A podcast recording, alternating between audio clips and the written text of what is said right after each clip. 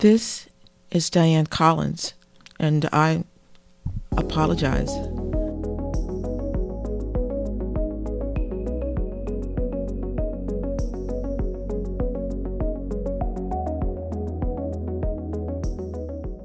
The last time I was here, I said don't stop, and then I did, sort of.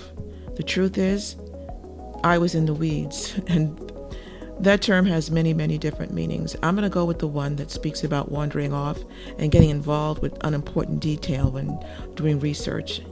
You get focused on the wrong thing. When you find a trail of something you, you love after looking for so long, you want to catch up. You start running in all directions, and that's what I did. Looking at editing, mics, production, art, direction, promotion, story development, content, press release, marketing, all fascinating topics. I wanted to cover everything, but you can't catch up in the reads. You just wind up running in all directions. Focus is what's necessary. There is a deceptive freedom out there in the weeds. You you've got to really reel yourself in. You can find interesting things, even relevant, as long as you don't veer too far off your road. I did find some things out there that I took note of. Some of these things will help us later. That's right, I said us.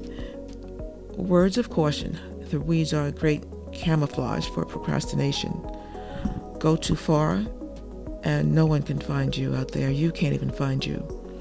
And then I was an easy mark for two thieves, one called comparison. Comparison and the other doubt. They tried to steal my dream. They whispered in my ear, "What are you What are you doing out here? Why are you doing this? Others doing this better." Who are you? And the worst question, exactly what are you doing? It was a close call, I'm telling you. They almost got a hold of me. And that's what saved me, me. Because no one else can do me, no one else can do this the way that I'm doing it. And exactly what this is, I will find out.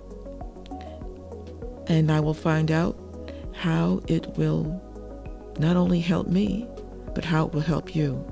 And I can't help you in the weeds. See, I did pan out some gold out there. I found out that I am a helper. So I'm back. And this is what working on clarity looks like. It can get messy.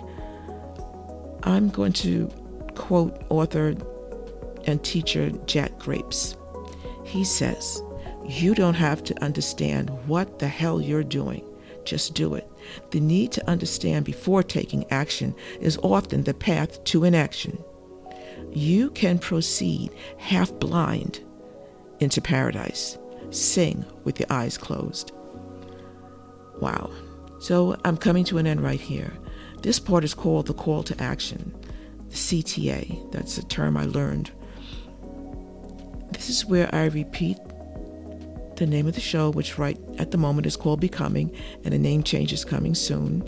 And I tell you where you can find me and when episodes are coming out. I promise I'm working on that. Now, I'm out of the weeds, knowing that there is room for me and room for you too.